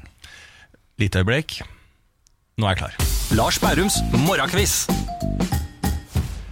Og for de av dere som er nye lyttere, som har akkurat eh, tuna inn DAB-apparatet på denne stasjonen, så vil jeg si at nå kommer en quiz med tre spørsmål. Eh, alle svarene skal besvares her i studio, og alle svarene får dere helt til slutt. Og her, i denne quizen, så er det påkrevd med et quizlagnavn. Og hva er det i dag, da, gruppa? Jeg har- La- eh, Ken, Jeg har et forslag. Eh, Hva med eh, et navn basert på den løgnaktige seriemorderen Thomas Quick? Altså Thomas Quiz? Ja. Kan ikke det være noe? Ja. Er det bra, det? Ja. Ellers har jeg også Nest-quiz. Nei, må ikke bruke flere på en gang, må ikke bruke flere Ja, på men gang. Thomas Quiz føler jeg Nei, i hvert fall Quisling er vel ofte Quisling er altså, vanlig, Nest-quiz var jo veldig bra, da. Ja, ja, Synes jeg var, ja. Men nå b- bruker du to quizlagnavn på én og samme quiz. Det er jo helt hårreisende Ja, det er eh, faktisk- strategi her. Lite økonomisk av meg, men eh, vi går for Thomas Quiz. vi. Ja, ok. Neste quiz skal vi bruke i morgen. ja, men da går vi på spørsmål nummer én, da. Ja takk. Ja. Hva er hovedstaden i staten Tennessee? Altså State Capital of Tennessee. Tallahassee. Ja, du er jo altså amerikaner, jeg aner ikke. altså Tallahassee kan være en helt annen stat en helt annet sted. Jeg aner faktisk ikke. Er det mest bare fordi det ligner på Tennessee? At Ja, du tenker på nettopp. det? Ja, Tennessee. ja, Samantha er jo mer Cali-girl, ikke sant? Men Fins det noen kjente steder der som man vet om? Tennessee, ikke som jeg vet om. Nei. Tallahassee, Tennessee. Ja, vi prøver Tallahassee, da. I'm just a small town girl from Tallahassee, Tennessee. Ja, Det høres helt riktig ut. Jeg tror ikke det er riktig, men vi må det er Alt høres så feil ut når Niklas skal bekrefte det på engelsk. Jo, men herregud, Memphis, Tennessee. Ja! Selvfølgelig. Memphis, en liten gutt Vet du hvem som er derfra? Som alltid synger det? Nei. From Memphis, Tennessee. Justin Timberlake. Ja! Mm. Ja! Og det er jo yndlingsmannen til Niklas Baarli. Ja, ja, ja. ja. Ja, jeg tror vi svarer Memphis. Altså. Ja, ja, ja, ja. Om vi skal svare Memphis, ja. Eh, er, hva er den sangen uh, Memphis? Walking in ja, Wa- Memphis. Walking in Memphis. Jeg anbefaler alle til å gå inn på YouTube og finne Scooters sin coverversjon av den. Den er episk. Istedenfor uh, I'm, walking, I'm raving, I'm raving. I Memphis, ja. ja. Den er god! Den er god! Spørsmål nummer to. En bourbonwhisky har et minstekrav på 52% av hvilken ingrediens? Eh, mm, whisky, jeg- det er jo sånn Oi! Du, er, du drikker jo bare whisky nesten. Jeg drikker eh, masse Ken. whisky, men jeg vet jo ikke helt hva det er oppi der. 52% av Er det ikke Men Hva er det som Dette er en bourbon, da, ikke sant? Bourbon, og det er jo strenge regler Altså, for bourbon at det må tre, lages i USA. For det snakkes Har ofte om rye, at det er rug oppi der, men det er vel en egen type whisky. Kanskje ikke, det er vel kanskje ikke bourbon, det da? Men 53% av hva, ja? 52% av Altså det har liksom sånn et minstekrav om 52% av hvilken ingrediens. Og dette er jo også bourbon, for det har eh, veldig strenge regler for å lage denne bourbon, ja. visstnok, og kan bare lages i USA. Altså Der har de sikra litt sånn Donald Trump-rettigheter på det greiene Sier du det, ja? Sier du det, ja? Sier du det, ja? Ja, rye er det det beste. Hva, hva ja. er det? Ja, men Rye whisky er liksom en egen whisky. Det, Det er jeg tror egen ikke whisky. det kanskje er bourbon. det er ikke alkohol som svaret. Det er ikke sprit, liksom. Nei, jeg tror det. Hva er det som gir den derre Altså, ikke Den er spriten, Altså, Bourbon er som... er jo litt mer søt enn de andre, det, så det må jo vel ligge Er det noe der. kirsebær? Det er sikkert noe sånn rart noe. Jeg tror Det er sikkert et type korn eller noe. Tror jeg. Et kønn, ja. Det er Tresprit. Tresprit. Jeg må ha svar. eh, Ja, jeg. Niklas har bare begynt å tulle. Ja, jeg har begynt å lage eh, karakterer av det. Ja. Den, den er bytte. Nei, jeg vet ikke, altså. Nei, du må bare svare noe. Det er du som si, drikker whisky. men det kan- 52 rug høres så jævla mye ut. Skjønner du? Så mye rug kan det ikke være. oppi. Drikke rugsprø. Oppi den jævelen. Så, ja, sprit, da. Ja, Alkohol? Ja, alkohol, ja. si ja. Vi sier det. Hvilken ingrediens? Alkohol. Ja. Ja. Ok. Spørsmål nummer tre. Menneskekroppen trenger eh, ja, ca. 1,5 gram salt om dagen. Hvor mye salt får en eh, gjennomsnittlig nordmann i seg i løpet av en dag? Ja, Vi spiser altfor mye salt. det vet jeg. Vi salter altfor mye. Ja. Hva sa du? Too much salt. 1,5 Gram? ja, Jeg er eh, liksom det vi Ja, eh, cirka trenger. liksom? Ish. Tenk, Jeg tror ikke det er så mye, fordi mye? jeg har sett noen sånn advarsel på hvor mye som er på en måte sånn Nå, må du, nå er det livsfarlig. Og det er ikke Det var ikke sånn 50 gram, liksom. Nei. Nei, Eller 30 gram. Det var mindre enn det. men 1,5 gram ganger 5 er ikke det nei, men var det ikke per eh, Var det ikke daglig per person? Ja, i løpet av en dag. Ja, men Ja. Da tror jeg det er bare sånn fem eller Ja, jeg har sett for meg 15 sånn- eller noe sånt. Ja, er ikke, men hvor, hvor dårlig er matte hvis jeg sier femgangen? Ja, for du tror det er ganger såpass? fem. Ja. 1,5? Ja, ganger fem. Ehm, skal vi si fem eller 10 eller 15? Hva vil dere? Yes, ja, fordi det er det man trenger, og så er det hva som er skadelig. Så det er jo ganske stor forskjell mellom de. Nei, altså hvor mye eh, sånn, sånn, Vi trenger 1,5 Ja. gram, og så hvor mye får Får en gjennomsnittlig Ja, ja, nordmann er i seg i løpet av en dag?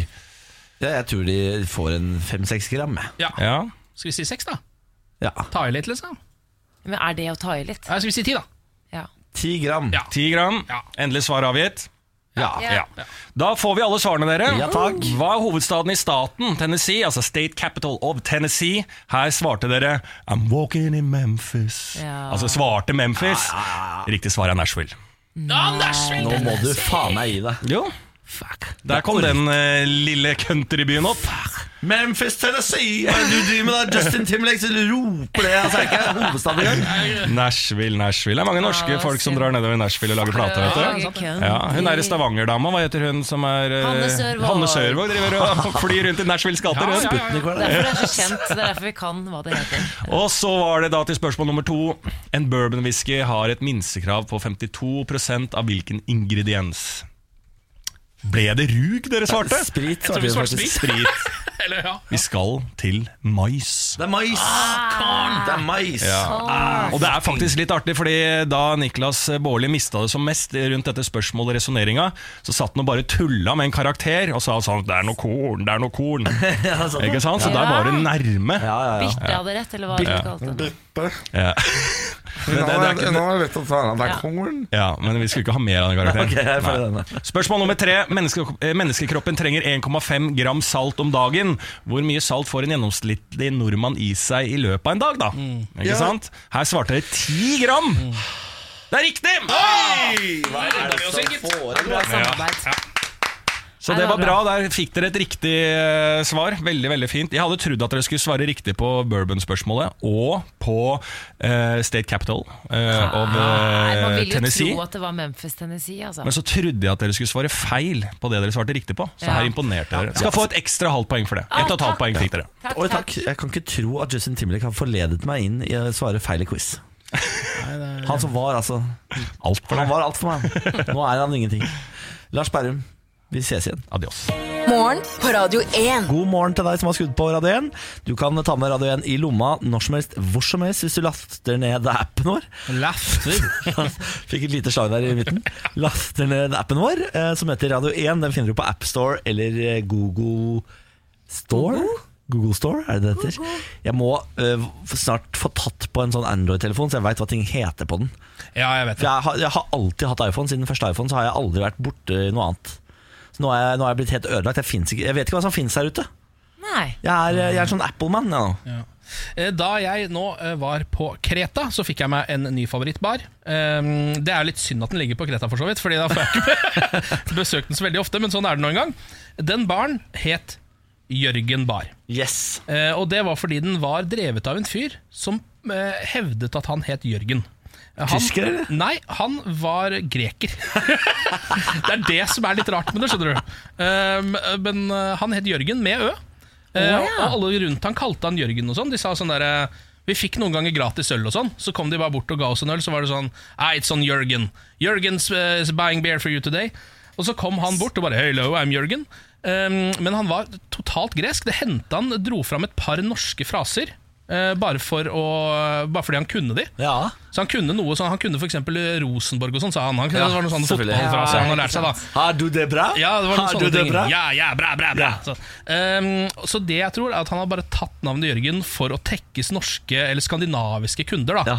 Han sa 'Å, herregud', sa han sikkert. han sa det Det innimellom. de. Og dette, de hadde altså perfeksjonert eh, Skandinavia-frieriet sitt på denne puben. Det var jo eh, fotball-VM mens vi var der.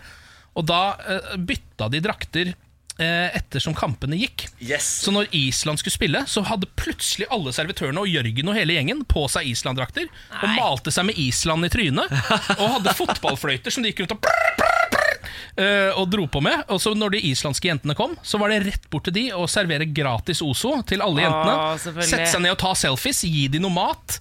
Og stå og dundre på. Og så gikk det liksom fem minutter etter den kampen, så plutselig sto de i Sverige-drakter. Jørgen altså Jørgen kan jo drive bar. Ja, Jørgen var helt vill. For en Fy legende. fader, for Ja. legende. Det blir kanskje nedtur for deg å se fotball her hjemme, liksom. Ja, litt, jeg kommer til å savne Jørgen, eh, Ja. Først og fremst. Og akkurat nå har jeg nettopp fortalt uh, Ken at jeg var på Kontraskjær i går. Dette festivalområdet Ja. de har laget i Oslo, hvor de viser fotball på storskjerm. Si meg, Niklas, satt du på VIP-avdelingen? Jeg kjøpte meg på Å, jeg VIP-avdelingen. visste det! Din, det går an, du skjønner at kontraskjæret her i Oslo ved Akershus festning er gratis, Ja. men eh, jeg så på posisjonen din fra bildet i går at Ja. du hadde kjøpt deg inn på VIP-avdelingen. stemmer det. det, stemmer det. Eh, og det gjorde jeg fordi jeg har hørt eh, Jeg har aldri vært på Kontraskjæret før. Men så har jeg hørt at det er så sinnssykt mye folk der at hvis du kommer seint, så har du ikke sjanse til å få sitteplass. Nei. Eh, og jeg kom til siste kampen, så jeg tenkte jeg gidder ikke stå. Så jeg bare kjøpte så billetter til de VIP-greiene. Og der var jeg helt aleine. Altså, det var jeg og kompisen min og tre andre, liksom. Du er jo den som benytter deg av mest VIP i hele verden. Så jeg Ja. tror Hvis for eksempel noen aliens får sånn hacker seg inn i systemene våre og får oversikt over alt som vi driver med, så er det sånn Hvem er den viktigste personen i, på hele jorda? Det er denne mannen. Han, er, han står på øverst på alle. Very important person. Der er alltid Niklas Baarli. Ja, og du kaller deg selv Mossekongen. Herregud. Ja, det anbefaler jeg. VIP-området var helt topp. Koster 200 spenn. Da slipper du kø i baren, og du har eh, nydelige, deilige, myke sånne vanlige stoler å sitte på. Du sitter jo ikke med å se ned på folket, da, selvfølgelig. Absolutt, og spytte på det, selvfølgelig. Ja. på det. Men var det gøy, Niklas? Var det gøy å se på VM? Kjempegøy! For en kamp jeg valgte å se på! Ja, vi må jo Var det, var det Iran-Portugal? Det var det, ass. Altså, for en kamp. Ja, den var god. Ja. Men eh, Portugal så jo ut til å vinne. I hvert fall Da jeg la meg, så så det jo ut som det her kommer til å gå helt fint for Portugal. Eh, så ut til å vinne gruppe B komfortabelt. Mm. Sikre seg et møte med Russland i åttendedelsfinalen. Men det ble mye drama i kampen. Jeg så det ikke, men jeg så jo selvfølgelig alle reprisene i dag morges. Eh, Ronaldo bomma på straffe, Ja, ja, ja, ja, ja. Iran fikk straffa. Det var en litt sånn tvilsom hands-situasjon. De de ble snytt for en straffe. Eh, Først, da, og så fikk de den etterpå. fikk de den etterpå. Ja. Så, og det skjønner jeg ikke, for nå har man jo det VAR, det Mm. videodømmingen. Da skal man jo ikke, det skal ikke være mulig å bli snytt for straffe. Ja, det er veldig rart, det greiene der. Men det er visst noen sånne situasjoner hvis de ser at dommeren har sett det, så er det ikke alltid de tar på det sånn, for å liksom ikke underbygge hele hans autoritet, tror jeg. Nei. Så det er noen Ja. rare regler der. Men, Men- men det var jo utrolig spennende, fordi jeg satt med dobbeltskjerm. Ja, eh, så de to Spania kampene, også. ja, fordi kampene gikk ut samtidig. um, og da var det i løpet av uh, to sekunder så hadde hele tabellen på en måte snudd seg på Ja. hodet. Fordi det var det var på begge kampene. Og det ble straffer overalt, og et mål ble plutselig annullert, men så ble det mål allikevel. Ja, Spania og Marokko, der, der var det jo Der var det flere mål. Mm. Der var det jo Men eh, syns litt synd på Iran også. Bare fordi at det, I og med at det var, det var jo De fikk jo nesten en mål eh, på slutten der. De fikk, hadde et kjempesjanse. Hadde de skåret på den, så hadde jo de eh, gått videre. Ja, det var, uh, det var så mye iranere på kontraskjæret i går, kan jeg informere om. Det Ja. var altså et, så, et sånt lurveleven, og det ble slåsskamp! Ja, ble det det ja, det ble ordentlig, ja, ja, og når de skårte, så storma de scenen. Altså, ja, akkurat som det var banen. Som om det var banen. De Det det storma opp på scenen, og så kommer det sånn tre Nokas-vakter ned, ned, ned, ned, ned, og så ble det slåsskamp. Og sånt elsker jeg. Men det er, er, er Slåss folk hver dag på det der stedet? Det veit jeg ikke, Jeg første gang jeg har vært der. Men det har vært slåssing overalt, har jeg hørt. Og svenskene og, ja, svenskene og tyskerne. Og det er jo nesten verdenskrig pga. det VM-greiene her. Men uansett, i dag så er det jo da spennende kamper. Og det er jo litt gøy at det er flere VM-grupper eller som er egentlig helt åpne for åttendedelsfinale. Hvem er det i dag, da? Nei, I dag er det faktisk Australia, Peru, og Danmark og Frankrike. Vi Danmark, Frankrike, det ja, det er spennende. det blir veldig spennende. Frankrike leder med Danmark eh, rett bak. Ehm, og så har du også da Island, eh, Kroatia og Nigeria, Argentina, Ken. Og Ja. Argentina, de sliter. De sliter noe voldsomt, og nå har de jo også sparka treneren sin, på en måte. Eller de har det, spillerne ja. har visst gått sammen og sagt at de vil ikke høre på treneren lenger. Så Messi skal ta ut laget eller noe sånt. Det kommer Ja. til å bli helt merkelig, det greiene der. Vi får se åssen det der går. Messi tar ut laget. Ja, eller i hvert fall de, Spillerne skal visstnok bestemme hvem som skal spille selv. Nettopp. Og Da ser jeg liksom for meg at han har en ekstra stemme, Lionel Messi. Ja. Det skulle jeg tro. Ja. Herregud, så spennende. Det er spennende, og så må vi jo selvfølgelig I morgen skal vi vise kamp eh, sammen. Om vi skal. Oh. Skal, og det er jo, altså, dette her er jo, det er jo mine foreldre. Altså, det er eh, Mexico versus Sverige. Eh, mamma versus stefaren min. Faren, stefaren min er svensk, og mamma er fra Mexico. Så her, og jeg heier da selvfølgelig på Mexico. Hadde ikke vært eh, Går Sverige videre? Det, det er så mye spennende i den gruppa. Så det er Tyskland, Derby de la Samantha i morgen. Det er så mye som skjer, og jeg skal sitte og holde dere igjen. Derby de la Samantha. Ja, det blir gøy. Ja, For en dag det skal bli. Eh, Jeg gleder meg til i kveld. Eh, Den Island-kampen er ikke noe spennende, for de er ute, ikke sant? Nei, da, de kan gå videre, de. De Altså. kan gå Ja, hele den gruppa der er helt åpen. Men uh, nettopp så det blir spennende å se Island i kveld, da.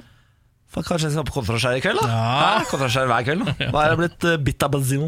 basil. Morgen på Radio 1. God tirsdag, Samantha Skogran, God morgen. Ken Vasenius Nilsen Ja, god morgen. og Knut Arild Hareide. God morgen. God morgen, partileder i KrF, selvfølgelig.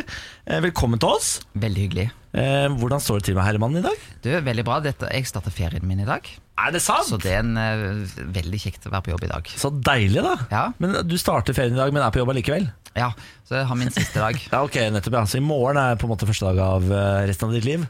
Det, det, det, kjennes sånn akkurat nå, da. Men jeg skal ha en veldig fin dag i dag, da. Jeg er Ja. innom Radio 1, skal treffe Ja. statsministeren, Skal du kulturministeren. Og, så, og så tar jeg ferie. Så det høres veldig bra ut. Ja, det er litt av en trio. Det der er det for å, er det for å groome deg til et fortsatt godt samarbeid?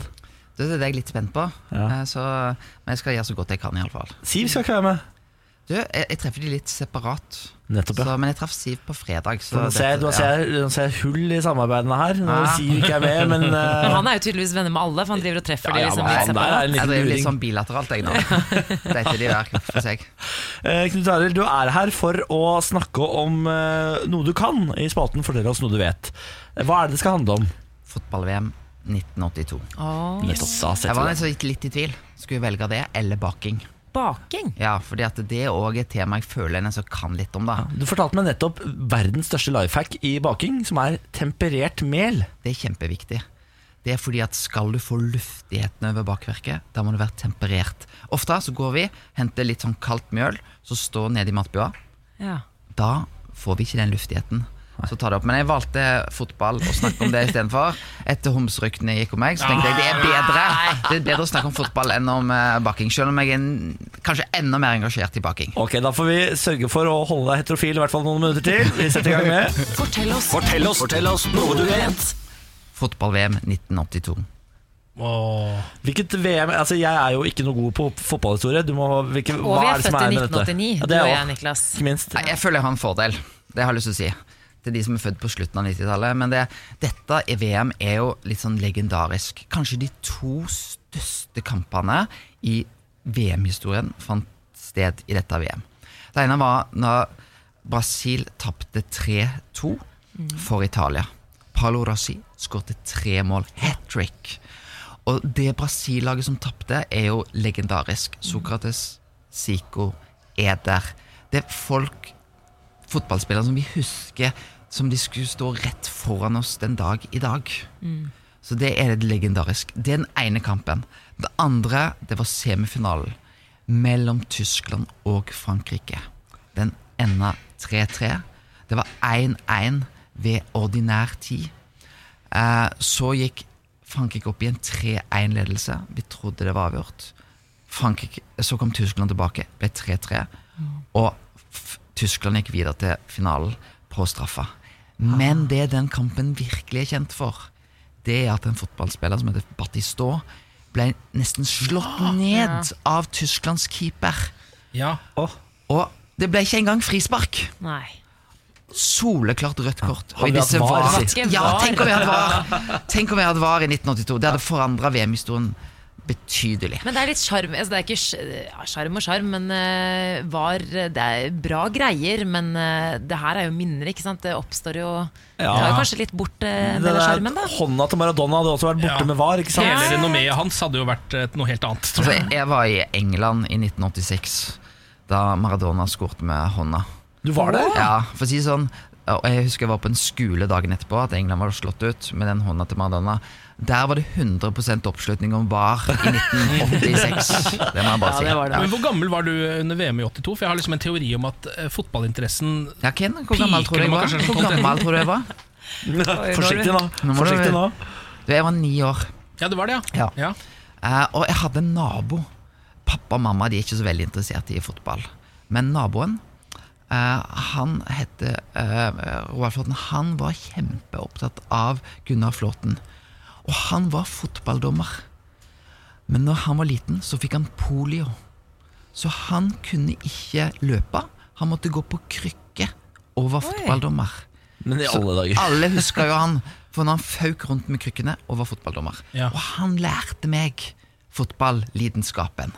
Og han hadde tid til å vise denne ni år gamle gutten om fotball. Så det var han som var litt sånn ekspertkommentator. Da hadde jo ikke vi Drillo i 1982. Så da var det Gunnar Flåten som var hans ekspertkommentator ved sida av meg. Da, I 1982. Har du spilt fotball selv, eller er du entusiast fra tribunen? Ja, veldig godt spørsmål. Eh, Jeg er bedre i teorien enn i praksis. Ja, sånn, altså, jeg Ja. var med på Rubbestadneset. Det var fordi vi trengte alle spillerne for å få fullt lag. Eh, og når vi spilte mot et veldig godt lag, da var jeg venstre ving. Når vi spilte mot et dårlig lag, så var jeg venstre back. Målet var at jeg skulle være lengst mulig vekk fra fotball. Ja, ikke sant. Men du, har har du et, eh, et lag du heier på nå under VM? Du, uh, under VM så er det Brasil. Ja, det er det, ja. Ja, det er den som banker litt ekstra. Det er, eh, KrF, vi spiller jo i gult. Eh, og Brasil og KrF, altså det vi har felles, er at vi spiller med hjertet ut på drakta. Men så har jeg jo det veldig bra mitt sånn eh, utenom Jeg er Liverpool og Brann-fan. Ja, Og, og, og, og det kan ha vært ganske Ja. krevende, skal jeg si dere. Eh, Brann i- ja, Brann i. Obos-ligaen. Da er det ikke lett å gå på Stortinget, jeg har lyst til å si det sånn. Eh, men Liverpool og Brann De har jo hatt en sånn tidenes vår. Eh, nesten nå leder altså Brann med sju poeng. Det skal ikke være mulig. Nei, det er sånn at, det, at ikke folk tror på Gud. Sier jeg. Når Brann leder serien med sju poeng, det kan ikke jeg forstå. Det er det du viser til. Ja. Ja. Eh, nå er eh, jo fotball-VM snart inn i Nå begynner jo sluttspillene Ja, nå er det, nå, jeg føler at nå er det snart ferdig. Ja, altså, Ken er jo et menneske som lever Det på som er- terningkast seks under hele VM. Han går jo inn i en, en dyp dyp depresjon og krise når eh, fotball-VM er ferdig. Ja, men det, det er noen dager igjen, Ken. Så Ja. vi kan, nå vil vi bare nyte av det. Men VM i 1982 Det var et veldig spesielt VM. For da var det først ett gruppespill, akkurat sånn som nå. Fire mm. lag i hvert lag. Så ble det et nytt gruppespill. Der det var eh, Og det var jo veldig artig. Og da var det sånn, da ble det tre i hver pulje. Så vi gikk vinneren, de fire lagene, til semifinalen. Oh, ja. Så paradokset var at i det VM i 1982 så Tyskland de tapte en kamp i sitt gruppespill. Ja. Italia de spilte tre uavgjorte og gikk likevel videre. Ja, ja. Eh, og så fikk de da det nye gruppespillet, og det var da Italia virkelig fant formen. Da slo de ut Brasil og Argentina i pulja, og så gikk de videre. Og nå er de ikke med engang. Og nå er de fader ikke med engang. Nei, Italia så det er jo helt merkelig. Det, det hadde jeg egentlig ikke fått med Men meg. jeg helt- savner de litt, jeg. Ja, gjør du det? Ja, Ja, jeg gjør jeg må det. si det. De, du skal ikke ha et VM uten Italia. Nei. Jeg gikk forbi en pizzasjapp i går som kjører halv pris på pizza til alle Italia-fans, fordi eh, de syns så synd på dem. Ja. Åh. Du, det er litt- det syns jeg var en veldig fin tanke. Er ikke det fint? Ja. Ja. Tenk om Brann-fan også kunne fått det når vi var i Obos-ligaen. det jeg? Jeg, hører, jeg har hørt et rykte om at du og Erna satt i statsministerboligen og så Brann rykke ned i 2014. Du, ja, det, det var jo fordi vi skulle spille mot Mjøndalen. Og vi var så sikre på at den kampen må jo Brann vinne. Ja. Ja. Så vi inviterte litt sånn medietreff og uh, se kampen sammen, feire sammen med oss. Si Sånn, det var Det var ikke en fest som tok av.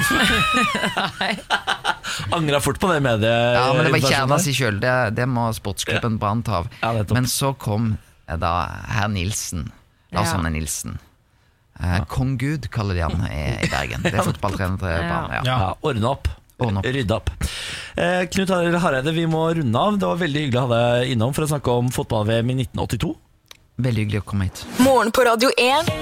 Hverdager fra sex. Eh, Nå har altså eh, hatten til Napoleon blitt solgt på auksjon. Nei, må du gi deg. Eh, Nei, nå- Endelig. Det tok litt lang tid, syns Ja, jeg. jeg synes også det tok litt Ja. lang tid. Eh, 203 år eh, etter eh, napoleonskrigene eh, ble den altså solgt på auksjon for 400 000 dollar. Herregud. Og hatten til Napoleon eh, dere husker, altså Alle vet hvordan den ser ut. Det er jo, eh, han er jo kjent for denne typen hatt. Litt sånn, Hvordan skal man beskrive den? Den ser jo ut som eh, hvis man tar en båt, eh, og så snur man den opp ned. Ja, det er sånn det ser ut. På en måte. Eh, Den er fin, den Hvor det som er under vannet, plutselig kommer over. Men er det Ja, det er hans hatt, altså. Ja, Det er hans egen hatt. Han brukte den til og med under Waterloo-slaget. Det er ganske oh, sjukt. Ja, denne hatten sier de. Eh, Men det som var spesielt, var at han eide Altså Jeg har på en måte tenkt at den hatten er så spesiell at den hadde han en av, liksom. Men han hadde 120 oh, ja. av denne typen hatt. Eh, oh ja, men han hadde akkurat den hatten på seg under Ja. eh, den krigen. Ja, det er det, de, det er det de i hvert fall hevda. Lett å si, da. Det er akkurat det, for det er det de hevda på det museet. Og jeg håper jo at de er såpass opptatt av historie at de sjekker sånne ting ordentlig. Men på en måte hvis jeg hadde kommet hjem til deg, da, Samantha, og så hadde du sagt sånn Ja, nei, så jeg fikk jo Du vet jeg vant i Lotto, så jeg har jo nå kjøpt meg Napoleonshatten fra Waterloo-slaget. Den står der borte. Se, der står den oppå der. Og så har jeg sagt sånn Altså, han brukte akkurat den hatten under Waterloo. Ja. Og så hadde du sagt ja, ja, ja, ja, de sa det på museet. Og, ja, ikke sant? Mm. Jeg hadde jo ikke trodd på det. Nei, og så er det Vi har jo ingen på en måte fotografier, vi har malerier og sånne type ting. Ja. Men det, det er, jeg vet ikke om det er bevis nok. Hvor mye, hvor mye ble den solgt for? Ja, det var 400 000 dollar, da. Åh, ja. Men du har jo alt, du har en låt du alltid kan sette på når du tar på hatten. da Ah, Waterloo-sangen, da! Waterloo, Ja, for det handler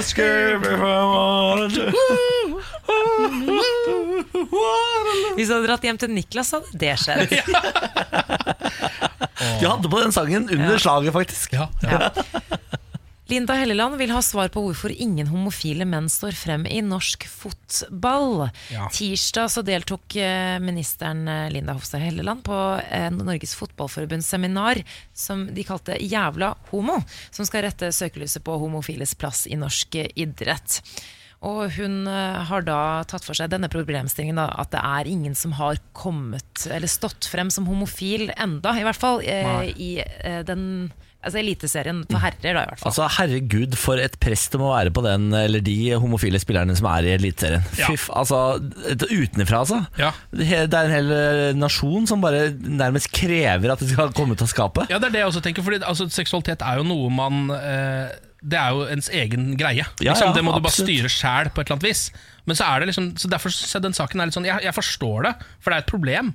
Ja, Men altså- samtidig så blir det litt sånn derre uh, Ja, jeg hadde også følt meg litt sånn pressa til å komme ut av skapet. Hvis Ja, og så er det på en måte eh, Skal man ta eh, Må man være den personen som tar opp kampen også? Ikke Mm. sant? Jeg, jeg tipper på at det fins uh, herrefotballspillere som er homofile, og at lagkameratene vet det, men at de ikke Ja. står frem. Ja, ja. Fordi de orker ikke. ikke sant? Og at det, jeg skjønner det. Det er jo ikke alle som har lyst til å brette ut privatlivet uh, i pressen. Selv om selvfølgelig det hadde vært fantastisk hvis en har lyst til å ta den kampen. Absolutt. Men jeg forstår det veldig godt hvis man ikke vil det. Men du skal være bygd ganske spesielt for å være det mennesket som tør og orker å bære den kampen. Fordi, eh, Dette har vi snakket om før, men idet uh, du kommer ut som homofil fotballspiller i Tippeligaen, så er du da ikke lenger et navn, ditt navn. Du er han homofile fotballspilleren i Tippeligaen. Ja, Ja. Som sto frem som første. Hele din identitet er visket ut. Alt du har gjort som fotballspiller, har ingenting å si lenger. Nå er det kun legningen din og legningen som gjelder.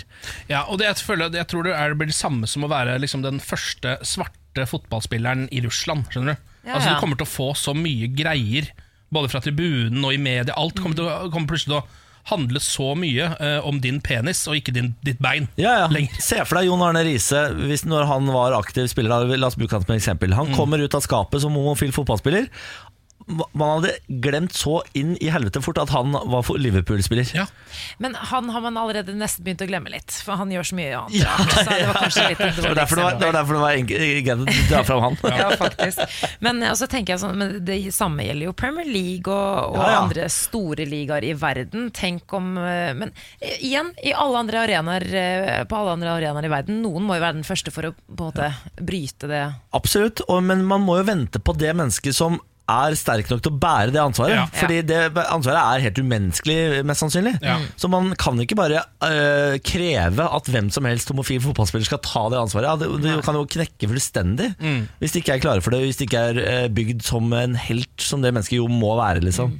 Kom det ikke en pressemelding for er det ett eller to år siden om at det skulle komme to Premier League-spillere skulle komme ut av skapet? Jo, men var det fake news, eller?